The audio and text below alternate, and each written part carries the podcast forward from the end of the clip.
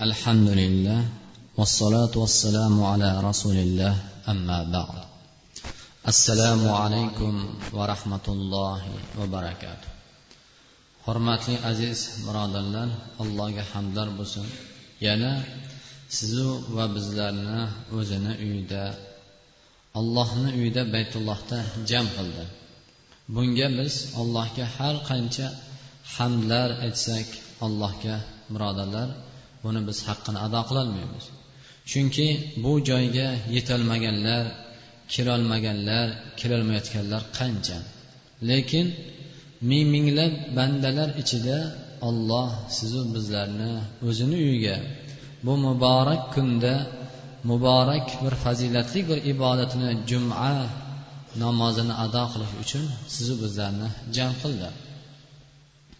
Shuning uchun bu ne'matni birodarlar ne'mat haqida ham tafakkur qilishlik bu ham bitta ibodat ekan. Rasululloh sollallohu alayhi vasallam allohning ne'matlari haqida tafakkur qilishlik hatto ba'zi bir rivoyatlarda ming rakat o'qilgan ya'ni bir soat tafakkur qilishlik bu ming rakatli o'qigan namozdan nafl namozdan ko'ra yaxshiroq degan ekanlar. Chunki inson tafakkur qilishligi bilan ollohni ne'matini keyin bilamiz. Bu eshitib qo'ygan bilan yoki palon gapirib qo'ygan bilan bu ne'matni birodarlar biz bilmaymiz. Shuning uchun allohga hamdlar bo'lsin. Demak bugungi jumamiz birodarlar yaxshilab eshitib va tinglab bu narsani tushunib olmog'imiz lozim bo'ladi. Chunki bu mana shu sababdan ko'pgina insonlar o'zlari bilmagan holatda ya'ni dindan chiqib qolishi mumkin. O'zlari bilmagan holatda ya'ni ollohniga kofir bo'lib qolishi mumkin. O'zlari bilmagan holatda o'zlariga o'zlari zulm qilib qo'yishi mumkin birodarlar. Demak bugungi jumamiz bu shumlanish masalasi. Ya'ni shumlanish bu islomda shundoq bir e'tiqod borki har bir narsa manfaatlik foydalik narsa ham ollohdan zararli narsa ham ollohdan alloh subhanava taolo qur'oni karimda la yanfahum va la yadurruhum. Ular na foyda beradi na zarar beradi. Xuddi johiliyat vaqtida kofirlar mushriklar butlarga sanamlariga ibodat qilganda o'zlaridan so'ralgan vaqtida ya'ni bu narsa na foyda bersa na zarar bersa nima uchun bunga ibodat qilasizlar deganda ular aytar ekanki ular ham bilishardi. Ya'ni qilayotgan o'sha ibodatini butlarga sanamlarga bu butlar sanamlar bir tosh ekanligini. Ya'ni bular hech narsa na zarar na foyda bulardan bo'lmasligini ular ham bilardilar. Lekin biz bunga ibodat qilamiz allohga vasila qilish uchun deb aytdi. Shundoq javob berishar ekanlar islom kelgandan keyin bu narsani mutlaq shirk ekanligini qattiq gunoh ekanligini bayon qildi. Va bandalarini alloh subhanava taologa o'zlari olloh ko'rsatgandek payg'ambari ko'rsatgandek allohga ibodat qilishga ham hamma har kim o'zlari allohga ibodat qilishlikka buyurdilar. Shuning uchun imom buxoriy rahmatulloh alayh sahihul buxoriy kitobida abu hurayra roziyallohu anhudan rivoyat qilgan hadis bor ekanki qola rasululloh sollallohu alayhi vasallam la adva va la tiyara ولا حام ولا صفر وفر من المجزوم فرارك من الأسد أسد وروى المسلم عن الشريد الثقفي رضي الله عنه قال كان في وفد ثقيف رجل مذوم فأرسل إليه النبي صلى الله عليه وسلم inna qad dedilar. Demak bizlarni bugungi mavzuyimiz asosan mana shu hadis asosida. Imom abu ya'ni abu hurayra rivoyat qilgan ushbu hadisda rasululloh sollallohu alayhi vasallam aytdilarki la adva ya'ni kasallik yuqmaydi dedilar. Kasallik bir odamdan kasal odamdan sog'lom odamga o'tmaydi dedilar. Va shumlanish haligi bizda qarg'a uchib ketdi yoki bayo'g'li sayrab ketdi degan gaplar bor. Shunga o'xshagan narsalar. Va boshqa kasallik ham. Va safar oyi. Xususan biz turgan bu safar oyi. Bunaqa narsalar yo'q ekanligini islom bu narsalarni botil ekanligini bayon qildi. Va hadisni davomida aytdilarki o'sha haligi mahov kasalligidan xuddi sizlar ya'ni sherdan qochgandek qochinglar dedilar. Bani vaft qabilasi vaft saqif qabilasida o'sha saqif qabilasida bir qavm rasululloh sollallohu alayhi vasallamga bayat qilgani kelgan vaqtlarida bir kishi bor ekanlar o'sha kasalga uchragan. Shunda rasululloh sollallohu alayhi vasallam aytgan ekanlarki biz senga bayat qildik bo'ldi qaytib ketaver degan ekanlar. Ya'ni qo'l berib bayat qilmagan ekanlar. Boshqa bir hadisda ibn jarir tabariy aytadilarki an jabir anhudan أن النبي صلى الله عليه وسلم أخذ بيد مجذوم فأقده معه فقال كل ثقة بالله وتوكلا عليه ya'ni rasululloh sollallohu alayhi vasallam mana shu kasalga uchragan bir mahov kasalliga uchragan yuqumlik kasal demak o'sha yuqumlik kasalga uchragan bir sahobiyni qo'lidan ushlagan ekanlarda o'tqizib oldilariga kul ya'ni bu ovqatni allohga ya'ni ishongan tavakkul qilgan holatingda yaqin bo'lgan holatda yegin deb birga o'tirgan ekanlar. Endi hadisni sharhi nima? Johiliyatda islom nima uchun bu narsani ikki xil hadis birlari umuman bu narsadan qochinglar dedi bir vahshiy hayvonni yirtqich hayvondan qochgandek qochinglar dedilar.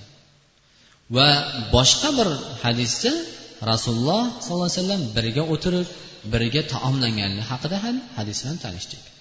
Bu hadislarni qandoq jam qilamiz?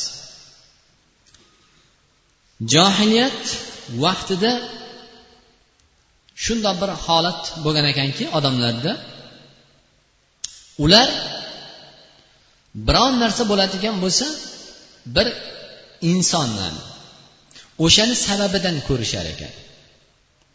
Biz yuqorida aytdikki hech narsa birodarlar biz iymonning rukunlaridan biri bo'lgan qadar ya'ni qazoyi qadarga iymon keltirishlik. Qazoyi qadar nima?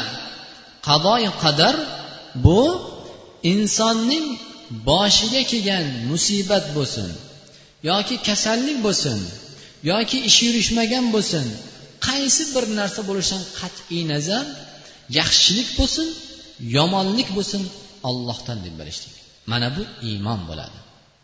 Demak bir odam allohga iymon keltirsayu namoz o'qisa ro'zalarni tutsa farishtalarga payg'ambarlarga kitoblarga iymon keltirsa oxirat kuniga haq deb iymon keltirsa lekin bir ishi yurishmay qolsa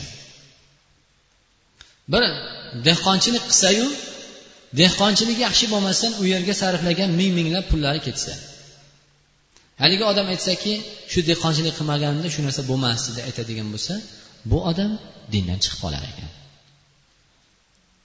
Xuddi shuningdek bir odam e, bir kasal bo'lgan bir birodarni ziyoratiga borsayu masalan gripp bo'lsa yoki bo'lmasa sariq kasali bo'lgan bo'lsa bor ziyoratiga borsayu kelgandan keyin ma'lum bir muddat o'tgandan keyin kasal bo'lib qolsa u ham xuddi shundoq shuni oldiga bordim keyin kasal bo'ldim desa bu ham johiliyat e'tiqodi bo'lar ekan. Ya'ni bu ham qazoyi qadarga iymon keltirmaganligi sababidan yuqoridagi iymonda bo'lsa ham bu odam ya'ni dindan chiqib qolar ekan birodarlar shuning uchun islom bizlarga juda chiroyli ta'lim berdi. Ikki tomonni har bir yaxshilik yomonlik birodarlar ollohdan lekin o'sha inson banda yaxshilikni kelishiga yaxshilik keladigan yo'lni axtarib o'sha yo'lda yuradi. Agar o'sha yaxshilik ergan bo'lsa ya'ni alhamdulillah alloh menga bu narsani muyassar qildi deb allohga hamd aytar ekan. Mo'min odamni sifati shu ekan. Yomonlik narsadan qochadi. O'ziga bo'lsin joniga bo'lsin nafsiga ahliga moli dunyosiga bo'lsin yoki dehqonchiligiga bo'lsin keladigan musibatdan ehtiyotini qiladi. Ya'ni o'shandan saqlanadi. Agar mabodo. O'sha narsa vujudga kelib qoladigan bo'lsa endi aytadiki endi olloh shuni xohlabdi shu narsa bo'libdi deydi. Shuning uchun rasululloh sollallohu alayhi vasallam aytdilarki har bir odamga olloh maloikalardan vakil qilib qo'ygan. Ularni ofatdan musibatdan yomonliklardan saqlaydi. Hammamizda bor birodarlar. Bu farishtalar hammada mo'minda ham kofirda ham bor ekan birodarlar. Ularni boshiga kelayotgan yomonlikdan har xil musibatdan saqlar ekan. Lekin shunda aytdilarki agar olloh tomonidan bitib qo'yilgan taqdir o'sha yeru osmon yaralmasdan odam yaralmasdan oldin taqdir qilib yozib qo'yilgan taqdir keladigan bo'lsa haligi farishtalar ham chetga chiqar ekan. Shuning uchun shuning uchun ko'p holatda masalan sal qoldi o'lishimga deymiz yoki sal qoldi shu juda yomon bo'ladi olloh saqladi bir asradi deymiz. O'shanda taqdir bo'lmasa farishtalar bizlarni saqlab tug'ilar ekan. Lekin taqdir bo'lgan bo'lsa farishtalar ham hech narsa qilolmas ekan. Bu bilan nima? Demak birodarlar foyda zarar faqat ollohni izni bilan bo'lar ekan. Shuning uchun johiliyat vaqtida ular shundoq bir e'tiqod qilar ekanki bu kasallik o'zidan o'zi yuqadi deb e'tiqod qilar ekanlar. Kasalni oldiga borsa shu kasal bir yuqumli kasal bo'ldimi yoki bir ish bo'ldimi shu narsa yuqadi deb e'tiqod qilar ekan. Haligi biza safar oyida masalan mavzu asosiy mavzularimizda masalan safar oyida to'y qilib bo'lmaydi boshqa qilib bo'lmaydi deganmiz.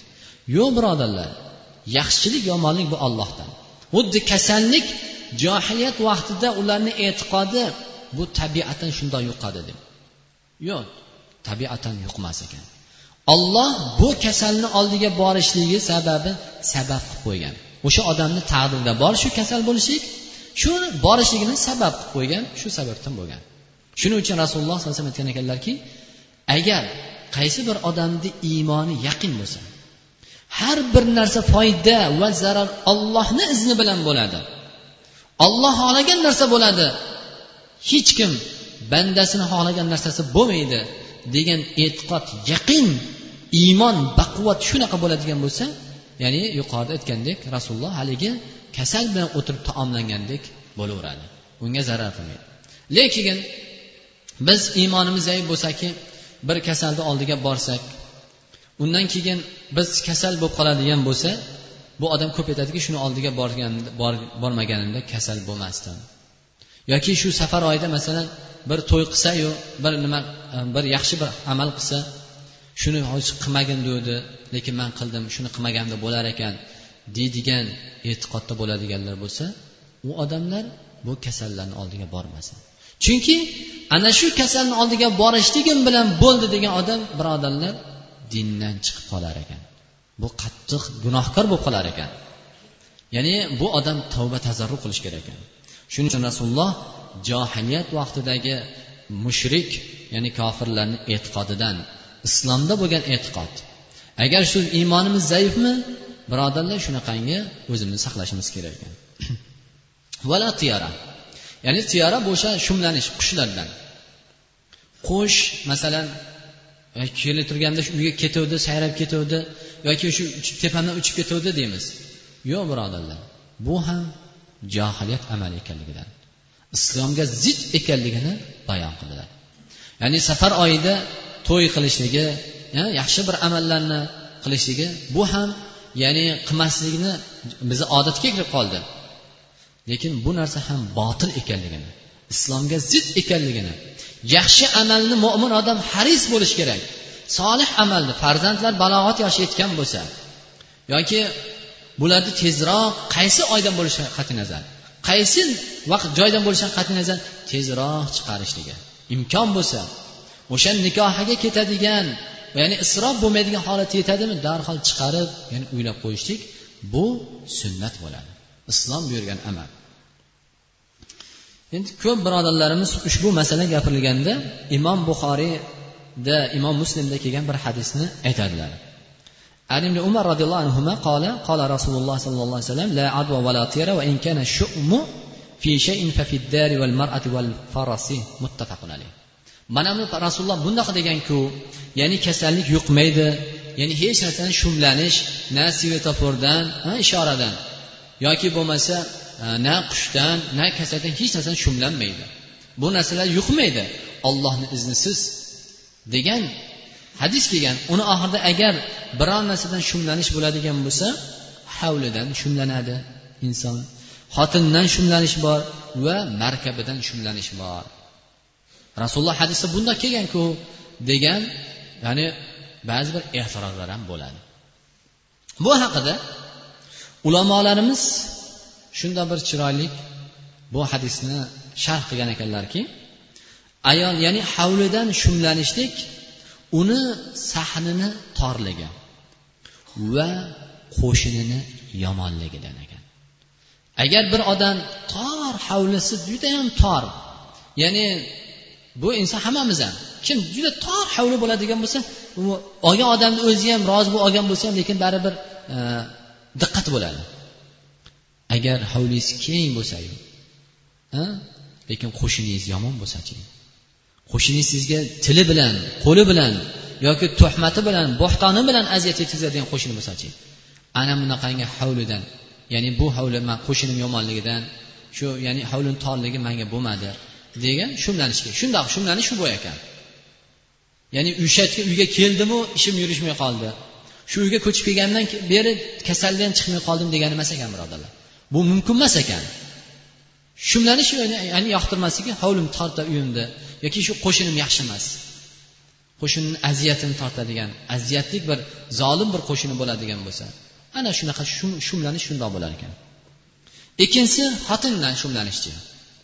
Xotindan shumlanish befarzandlikdan ya'ni shu xotindan ya'ni yomon ya'ni yoqtirmasligi farzand ko'rmasa bir odam. Bu yoqtirmasligi ham endi mayli yoki bo'lmasa su xulqiha u ayolni xulqini yomonligidan. Ya'ni axloqini yomonligidan ya'ni shu ayolim menga yaxshi bo'lmadi deb aytishga mana shunda mumkin ekan. Va minayotgan markabidanchi uni ustiga mindirmasa. Ya'ni o'sha sizni minaman deb foydalanaman deb olganingiz ha deb ya'ni siz ustiga mindirmasa sizni o'zingiz maqsadingizga ya'ni erishtirmasa. Ya'ni maqsad qilib safar qiladigan joyingizga olib bermaydigan ya'ni sizni yetkazib bormaydigan ulov bo'lsa bundan shu holatda shumlanish ekan.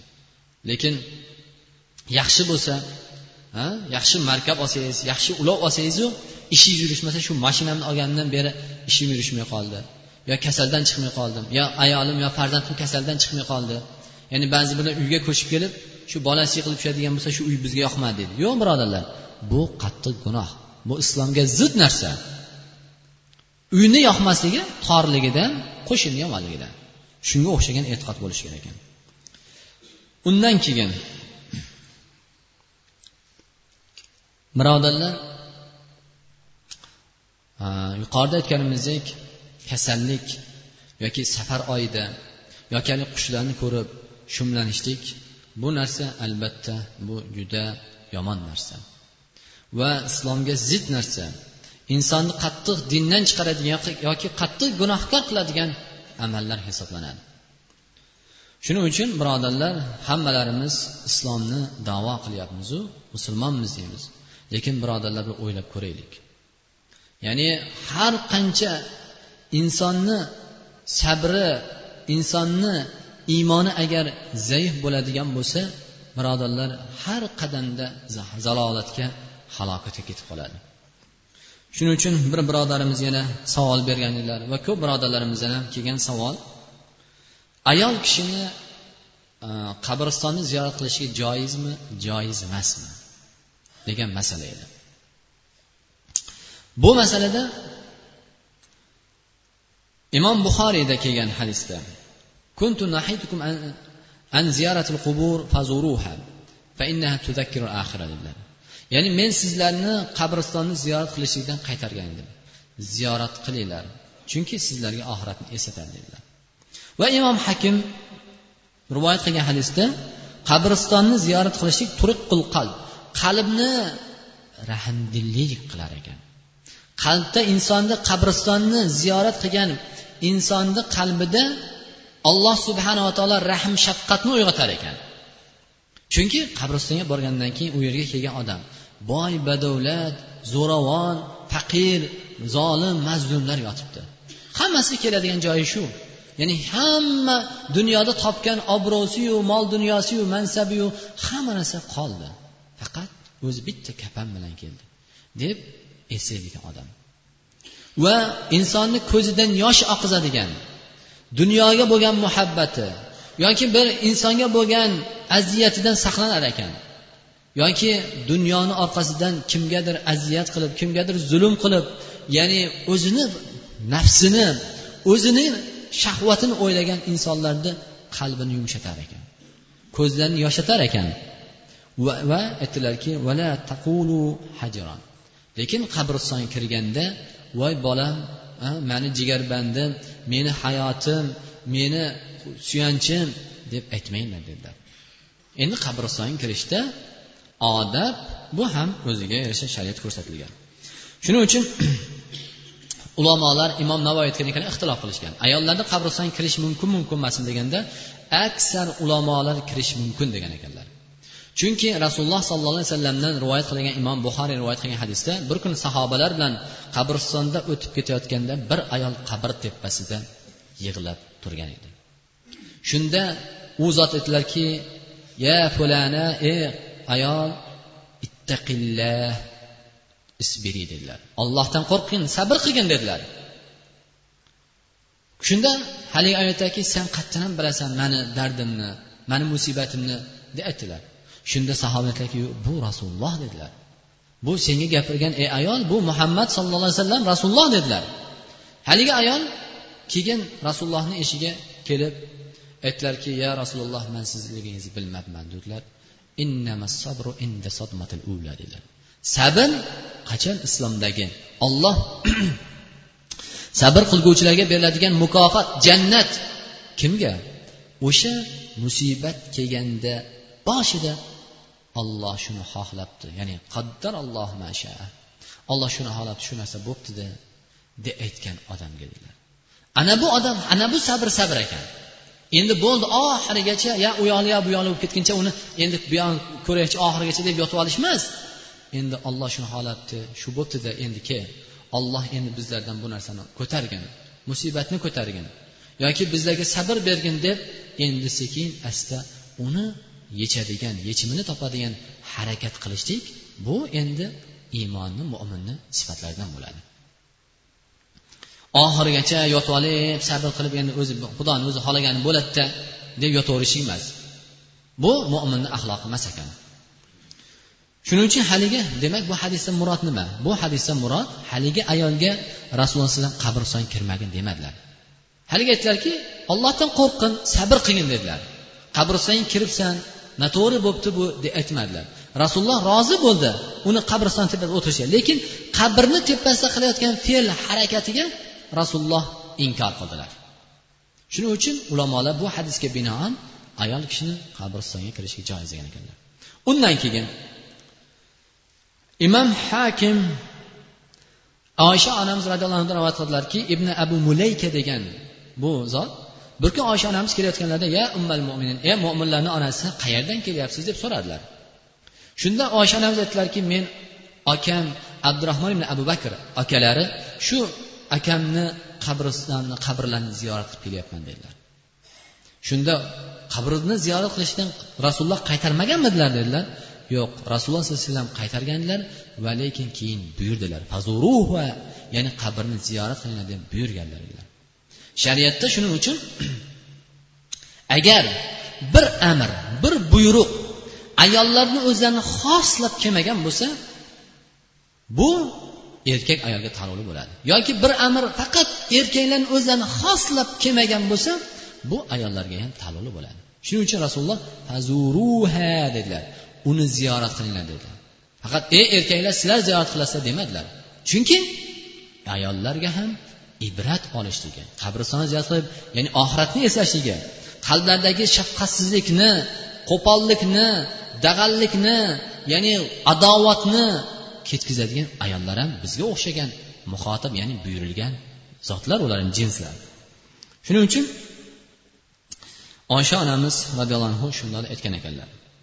Endi imom termiziyda kelgan bu hadisga yana aqlli va bilimli bo'ladi. Bir ikkita hadis o'qigan bo'lsa rasululloh sollallohu alayhi vasallam imom termizda kelganku ya'ni anna rasululloh sallam qubur ya'ni qabristonni ziyorat qilgan ayollarni la'natlagan degan hadisni ham ro'kach qilish mumkin.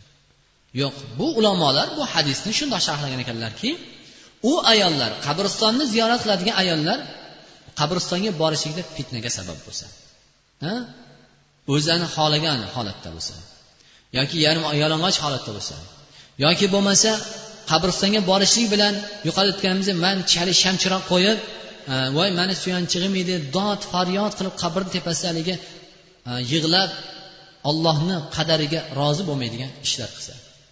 Yoki qabristonga borishing bilan erini xizmatini tark etib boradigan bo'lsa mana bunaqangi ayollarni la'natlagan ekanlar rasululloh ya'ni erini bemor bo'lsa yoki erini xizmatini qo'yib eri muhtoj bo'lsa ayolni itoatiga bir xizmatiga u ayol uni qo'yib qabriston ziyorat qilib bergan bo'lsa mana bunaqangi ayollarni la'natlagan ekanlar.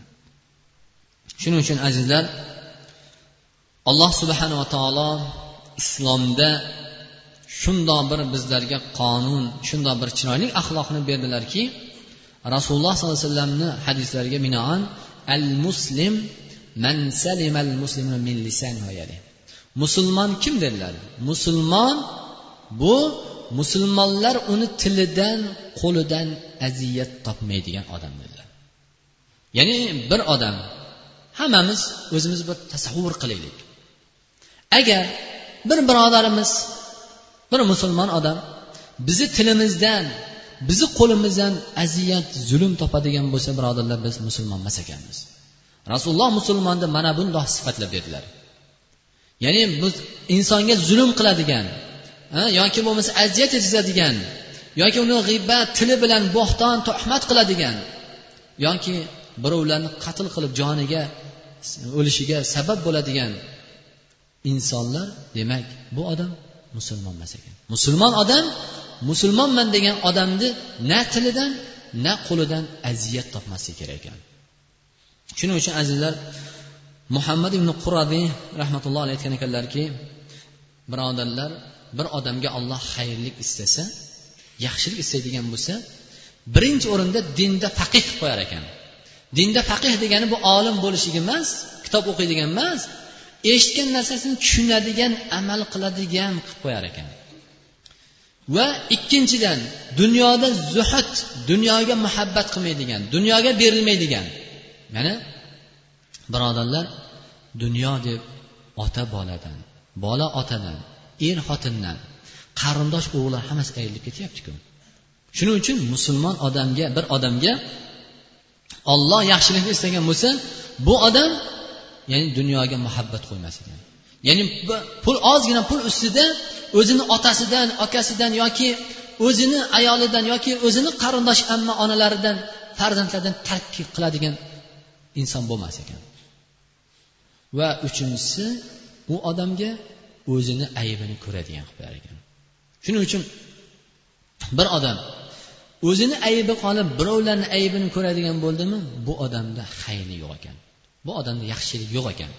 Dunyoda ham oxiratda ham yaxshilik yo'q ekan. Shuning uchun o'zimizni o'zimiz aybimizni ko'radigan. Birovni aybini ko'rgan i manda ham shu ayb bordir deydigan bo'lishimiz kerak ekan. Birovni ha deb ya'ni aytganimizdek tilimiz bilan qo'limiz bilan aziyat berishimiz bu musulmon axloqi emas ekan. Shuning uchun azizlar shundoq edi va har bir narsani alomati bor birodarlar. Bu mo'minning alomati bilgan ilmiga amal qilishi ekan. Munofiqni alomati ya'ni ilmi amali bu so'zda bo'lar ekan. Agar biz ha shunaqa ekan deb eshitib ketaversak birodarlar bu biz eshitib qo'yganimiz bilan bu yodlaganimiz bilan bizga bu ilmni foydasi yo'q. Bu bizga balo bo'ladi. Shuning uchun rasululloh sallallohu alayhi vasallam duo qilganda olloh bizlarga qur'onni hujjat qilgin. Bizlarga qarshi hujjat qilmagin deb duo qilamiz. Nima uchun? Chunki qur'onni o'qiganimiz bilan hadisni eshitganimiz bilan bunga biz amal qilmasak birodarlar o'zimizni holimizga voy bo'ladi. Bu ilmni o'qigandan keyin eshitgandan keyin birodarlar amal qilishimiz kerak. Ana bu mo'minni alomati ekan. Agar buni ha shunaqa dedida taajjublanib juda zo'r gap bo'ldi juda ajoyib gap bo'ldida maza qildi deb turib ko'chaga chiqqandan keyin nima maza qildingiz aytib bering desa ha qayerda esimda qolmadi lekin yaxshi gap bo'ldi deb qo'yganmiz bu bizga foydasi yo'q ekan birodarlar bu o'zimizni boshimizga balo bo'ladi shuning uchun bu yerda eshitilgan so'zlarni birodarlar amal qilaylik hayotimizda bu tadbiq qilaylik ana bu odamga haqiqiy alloh subhana taolo olim degan unvonni mana bu odamlarga berdi وصلى الله على سيدنا نبينا محمد وعلى آله وصحبه أجمعين parvardigoro demak hammalarimizni olloh bizlarni o'qigan eshitgan ilmlarimizga amal qilishga bizga tavfiq bergin Albatta har qanday yaxshilik yomonlik sendandir. Ya'ni seni izning bilan bo'ladi. Lekin parvardigoro bizlarni hammalarimizni hali hayotli vaqtimizda yaxshi amallarni topadigan sabablarni bizlarga muyassar qilgin va bizlarga musibatlardan balolardan ofatlardan olloh halokatlarga bir birlarini zulm qiladigan yo'llarni alloh bizlarga harom qilgin parvardigoro o'zing haqsan kalomiy haq. Bizlar oyatni o'qiyapmiz. Hadislarni eshityapmiz. Olloh bularni amal qilishga tavfiq sen berasan. Alloh bizlarga tavfiq bergin. Tilimiz bilan qo'limiz bilan birodarlarimizga zulm yetkazishlik ularni g'iybat bo'xton tuhmat qilib ularga aziyat berishlikni alloh bizlardan yiroq qilgin. Bizlarni saqlagin bundoq amallardan. Parvardigora hammalarimizni xonadonimizni yurtimizni vatanimizni tinchlik xotirjamlik qilgin. Albatta parvandigoro bu yerlarga jam bo'lishligimiz bizlarni xotirjamligimiz bilan yurtimizni tinchligidan jam bo'lyapmiz. Alloh vatanimizni ham ichki fitnalardan ixtiloflardan tashqi dushmanlardan olloh ofat osmondan yerdan keladigan balolardan alloh o'zing asragin. Va parvardigor rahbarlarimizni xayr ishlariga alloh rivoj bergin. Bir birlarini mehr muhabbatli qilgin. Olloh bir birlarimizga muhabbatni faqat sen berasan. Bizlarni na moli dunyoyimiz na shuhratlarimiz bir birlarimizga muhabbatli qiladi. Faqat seni tavfiqing bilan bir birlarimizga muhabbatli bo'lamiz. Olloh bizlarni bir birlarimizga yordam qiladigan muhabbat qo'yadigan bir birlarimizni hamma narsamizni ayamaydigan qilib do'st birodar bo'lishiga alloh hammamizni muyassar qilgan. Va parvardigoro bir birodarimiz shoaz akamiz alloh rahmat qildi o'tib ketdilar. Alloh bir inshaalloh bu birodarni shundoq gumon qilamiz yaxshi bir solih odam edilar. Alloh bu birodarni yotgan joylarini jannat naimlardan qilgan.